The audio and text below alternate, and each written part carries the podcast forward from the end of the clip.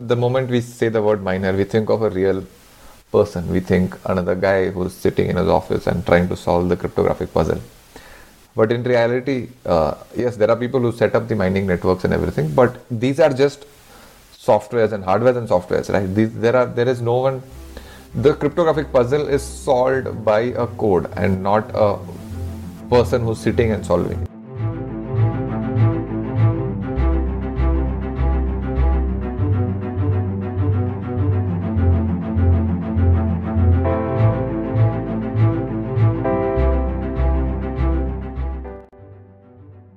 Hi guys, last week we released a video on our YouTube channel called Money Shot Podcast. We released it only on YouTube because it had visual aid and uh, in this video we explained what is blockchain technology, how it works. It's a detailed explanation of blockchain technology. We have used a lot of cool visual aids to make it easy concept. to understand it. all those This is a follow-up episode of about that. Bitcoin. So if you are going to listen to this episode, you need to watch that video first, which is on our YouTube channel. In this episode, we will discuss has, some of the common it, doubts that people have So about if you have not the seen blockchain technology, the whole process of it first. how Bitcoin comes then come to into existence. So It'll- go see that video video first make a lot and then listen sense. to this podcast. So, so let's jump into it. I have Vishesh uh, with me on call, and I have some questions uh, listed that I'm going to ask. We are going to show you screen grabs of our blockchain video, and then take one point from that video, and then I'm going to ask certain questions to Vishesh. So let's get into it. So Vishesh, the first step is pretty clear that there are transactions. So the transaction could be peer to peer, like I'm sending you something, or there is a business that accepts Bitcoin. Let's say there's a coffee shop which says that I'll take uh, Bitcoin for coffee shop. So I do a transaction with them to get a coffee. That's it. Uh, that step is pretty clear. The second step is that all these transactions come to a memory pool, and from that memory pool, certain transactions are taken and put into the next block. Block, of course, has a size, and uh, only X number of transactions can be put into a block. But what if at a particular time there are too many transactions in the memory pool? Let's say there are 2000 transactions in the memory pool, and a block can say only handle 500 transactions. So, how does so which transactions go through and which have to wait longer to get into the subsequent blocks? How does that work? Okay, so that's uh, actually a very simple answer. It's uh, simple economics. Um, miners uh, are picking the transactions from the memory pool. Uh, which transaction they choose is not necessarily in chronological order, first in, first out, or last in, first out. None of those logics apply. It is simple. Transactions with the highest transaction fee associated with them are the ones that incentivize the miner to pick them first, right? So the miner is in the business of making money at the end of the day. Every transaction has a transaction fee associated with it, and so they will naturally pick up the ones that give them the highest transaction fee or pay them the highest transaction fee, and that's just how they pick up uh, the transactions to fill their first block. So, so you're saying those transactions which have a lower transaction fee will get into probably the subsequent blocks, and that's why we see sometimes that some transactions take longer time to go through than 10 minutes. Right? That's the logic behind it. Yes, absolutely. And um, you know, as a user, as a general, you know, uh, uh, everyday user of Bitcoin or investor in Bitcoin, that you're trying to move, um, you know, Bitcoin from one wallet to another, one service to another, whatever may be the case. Uh, you don't need to be overly concerned about this, at least not right now. Transaction fees is there are different kinds of wallets. There are some wallets that allow you to customize how much transaction fee you want to pay. So if you are someone who's really interested in getting this transaction processed immediately and in the immediate next block, you might want to increase the offer. It's almost like you're in the marketplace and you're increasing the offer to the miner and say, hey, pick up my transaction because I'm paying you a higher transaction fee. Uh, some wallets allow that, uh, and and some other wallets don't really allow that. They have a standard historical statistical based model which tells them that if you pay so much transaction fee, in general, it will take you about 30 to 45 minutes to get your transaction through the door and fully processed and added to a block. You know, most uh, retail focused exchanges uh, or wallets will not give you that uh, you know ability to customize because most people are not tech savvy enough or don't really understand how to play around with this transaction game. But if you are you know an advanced user of uh, bitcoin you may want to get in you know use uh, the kinds of wallets which allow you to customize and play around with it. And there are other services third party services that you can use to estimate what is the right transaction fee to pay if you really have an urgent need versus there are also people who say that hey i don't really care. I don't have an urgent need. I just wanted to move this money from wallet a to wallet b and it doesn't really matter. When uh, it happens i I'm, I'm happy to even wait like uh, you know 5 hours for it. It's not an urgent transaction. And they may want to then save on transaction fee. They may want to lower their transaction fee and um, you know uh, pay the least amount and you know still get the transaction effectuated all right, all right. But you're saying as a regular retail investor who's just putting some money into Bitcoin, I don't have to worry about it. I don't have to even think about the transaction fees. Whatever service I'm using, whether it's my wallet or my exchange, where I've kept the kept my uh, Bitcoin, whatever transaction fee they say, I just have to pay that and get through with it. Don't have to worry about negotiating or figuring out a tool where I can decide uh, or figuring out a service where I can decide what transaction fee I want to play. Yeah, right? unless unless you have an absolute urgent need and you need the money, like I said, mm. don't really need to worry about it. It will eventually happen. It may take uh, you know 30 minutes, 45 minutes, sometimes even two hours, depending on the congestion in the network. If there are too many you know transactions.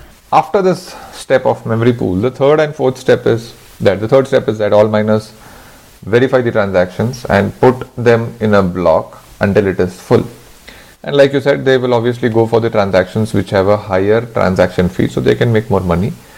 And uh, then once their version of the block is complete then the miners start a race to solve the cryptographic puzzle uh, but technically, the race starts from step three itself. Right? The faster they verify the transactions and put them in a block so that it's full, so the race starts from there itself, right? Yeah, technically that is correct, right? So they are uh, the quicker they can put the transactions, verify the transaction. So there's a difference. I, I, I also get tripped up on this. There is a difference between verifying transactions and validating the transaction or validating the block. Validating the block is that step six, which is the validator's job in step three, what miners are doing is they're verifying transactions based on different rules. As we, we haven't gotten into the details of those rules, but like you know, does the transaction have a signature? Is it in the right order? Does it have the right timestamp, etc., etc. So that verification of transactions, the sooner they do that and quickly put their block together and then start the cryptographic puzzle, the faster they can actually solve the cryptographic puzzle. So you are right in if we go get really technical about it, truly the race actually begins when they start verifying the transactions.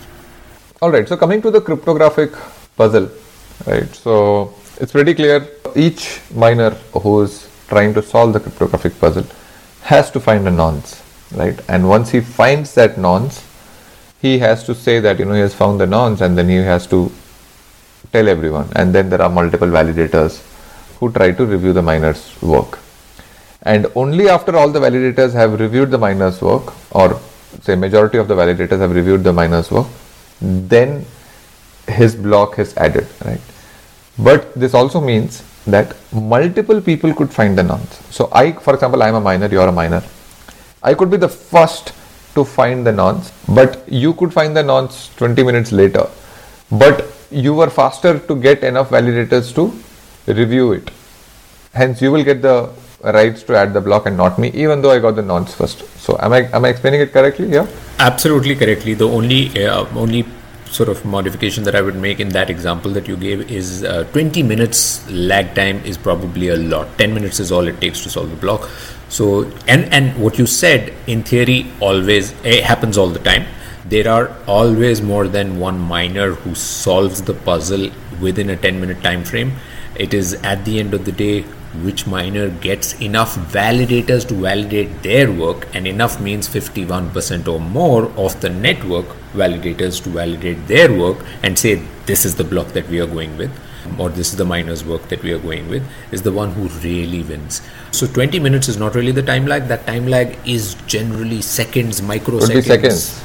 You know mm. that's that's how how close the race is. All right. And one thing i wanted to clarify to everyone is that this is something when I started reading about blockchain and Bitcoin, I also had in this mind. I used to think that miner is because the the moment we say the word miner, we think of a real person. We think another guy who's sitting in his office and trying to solve the cryptographic puzzle.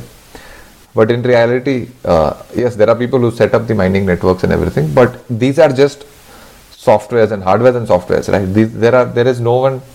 The cryptographic puzzle is solved by a code and not a person who's sitting and solving it.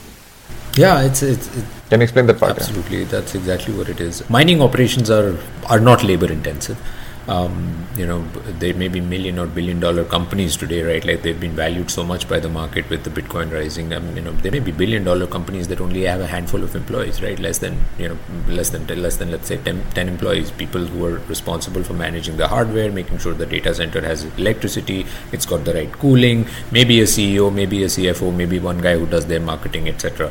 But really, there are no people sitting on desks and performing any tasks, everyday tasks. Um, all the jobs are being performed by these uh, mining rigs. In the case of Bitcoin, and this is not true for all cryptocurrencies, but in the case of Bitcoin, these are called ASICs devices. These are ASIC chips that are basically, I mean, come to think of it, this kind of looks like a server, looks like a CPU. It just kind of is running. It's it's custom custom designed to do Bitcoin mining.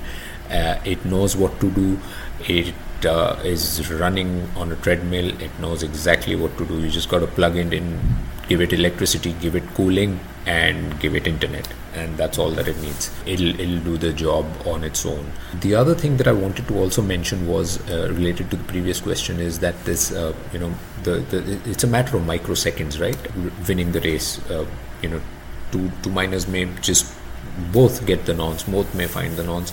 So while electricity and computing power are the two primary resources, of course, the more electricity you have, the better your machines will perform because you can cool your data centers. Uh, these machines get really hot, and most of the electricity is used in actually cooling down the data center and, of course, powering the mining devices but then also the computational power of your mining devices right so these also keep getting better like how how we have our phones like my phone uh, 10 years ago my first uh, smartphone was not as fast uh, did not have this kind of RAM that uh, my current phone has. Similarly, mining devices also keep getting better uh, every year. So the you know the more current uh, your infrastructure is, and the faster that it is, you have an edge. But the third resource that we don't talk a lot about is your bandwidth, your internet bandwidth, and the latency that you have in your internet. You may have everything right, but your internet, if it is slow by a few microseconds, that can be the deal breaker in this entire process because you may solve the puzzle first, you may get the right nonce, but your message that needs to go out to enough validators so that more than 51% of the validator network acknowledges your work can be delayed because your internet bandwidth was slow. So that's another important factor um, in, in, in miner's success. All right, okay. And I have one more question about the cryptographic puzzle. So, like you explained uh, in the video, that there is an input value which is a hash of the previous block and the transactions in the current block plus a nonce uh, which should lead to a new value or new output and of that hash code first 20 digits should be 0 right? That's the condition right?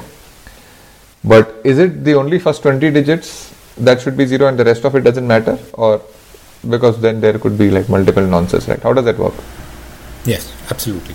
Um, so the uh, uh, to simply answer your question first of all let me clarify the 20 digits example that i used in the uh, in the video.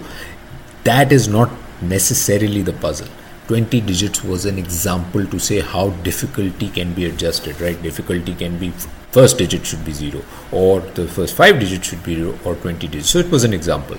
Maybe the puzzle that is happening right now as we speak says 25 digits should be 0 so now to answer your question directly is uh, that yes following characters of the 64 characters the remaining 44 characters could be anything doesn't matter. The puzzle is all about you find the first so many characters that should be zero. That's what the puzzle is. And the more zeros it adds the difficulty keeps increasing. And uh, yeah that's that's really what it is. In step 5 the miner who solves the puzzle wins the race and tells everyone. And then bitcoin validators review the miner's work to make sure that you know he's not lying or that he's done the work properly or he's actually found the nonce. So there are two set of people that i see here who are running this whole thing miners and validators. Could you clarify that a bit? Are validators also miners and they become validators when someone some other miner has found the nonce before them? Or how does it work? There are basically two entities. There's miners and then there's validators. Miners whose only job and incentive is to create blocks publish blocks by solving these puzzles and then in return for that win new bitcoin that is minted by the uh, protocol. They're in the business of making profits. Then the second entity is validators. Validators there are pure play validators who don't mine at all. Their only job is validating. If your question is what is their incentive? They actually don't have a monetary incentive or maybe they have a shadow monetary incentive and the shadow monetary incentive is to make sure that the bitcoin blockchain is true trustworthy and secure at all times. Who would want to do that? A guy like me would want to do that. I am an investor. If i have enough of my money in the network then it is an incentive for me to make sure that this network is solid and secure. And as many independent miners and they come with good faith and with the with the intent of increasing the security improving the security of the network they don't have a direct monetary incentive. They don't get paid for their service but their you know shadow incentive is that hey the bitcoin blockchain bitcoin gets acceptance and it goes mainstream it becomes the global money and it becomes the medium of exchange only when the rest of the world trusts and the rest of the world is only going to trust it when it's secure. And so just like what I'm doing right now, or what we are doing right now, right? Like this podcast is part of our incentive. We're not getting paid for this by anybody, but it is part of our incentive to spread the message, explain to people why Bitcoin is important, uh, because the more people know about it, it is at the end of the day beneficial to all of us and the Bitcoin community that people are understanding and accepting this protocol and a new digital asset. Uh, validators have the same incentives.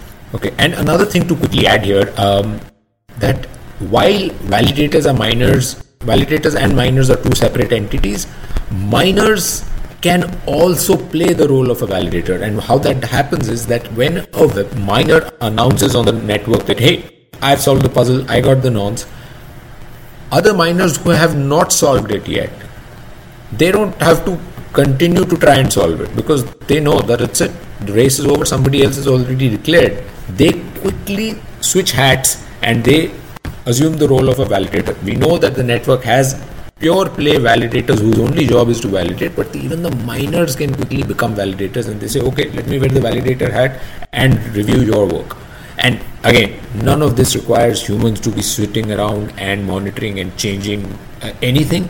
The machines, the code takes care of all of this. So, like you explained, right? So, after the miner who has won the right to add the new block, once he adds the new block, then everyone on the network gets a copy of the new block and they have to update their local copy. Why is this step important? Yeah, this step is very important. Good question. It is really critical right? Remember how we said blockchain technology is decentralized uh, blockchain as a technology is also known as distributed ledger technology. That's the other name for it. Let's break that name down, right? Distributed ledger. The ledger is the record of all transactions. A ledger is basically an account of all transactions. So, uh, a record of all transactions is distributed, which means there are multiple copies of that account uh, or, or, or, these transactions across the entire network. There are uh, you know uh, thousands of miners and validators all over the world, geographically distributed, uh, not having any control over one another, and they all hold a copy of the ledger. So, and why that is important is that.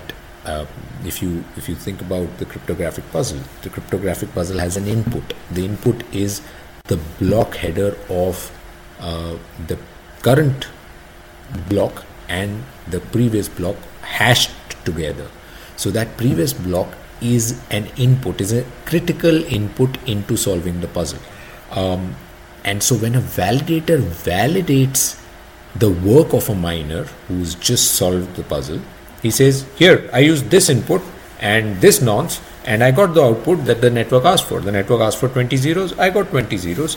I used input A, nonce B, and the output was correct. Now, if the validator himself is not able to confirm or validate that that input that was used to solve this puzzle is the correct input then he just has to rely on the miner so miner has to you know miner can say whatever miner can actually do a backward calculation and he can just use any input that solves the puzzle for him first and show it to the validator. How does the validator independently validate and confirm that yes, the miner did actually use the uh, previous block's block header to create this input? He can only do that if he also has a copy of all the blocks uh, that were created before this. That is why the distributed ledger is so important, and that's actually the biggest uh, revolutionary concept in, in, in blockchain technology. Uh, that's the biggest deal. So I think we have covered the basic questions that we had, or I had, or some of the other people who have seen it had with the flow of how blockchain technology works. So that's all we'll cover in this episode. So in the next episode, uh, we will do a slightly more macro discussion about how blockchain technology that we have just explained, how it makes Bitcoin better, and some questions around that. So stay tuned for that.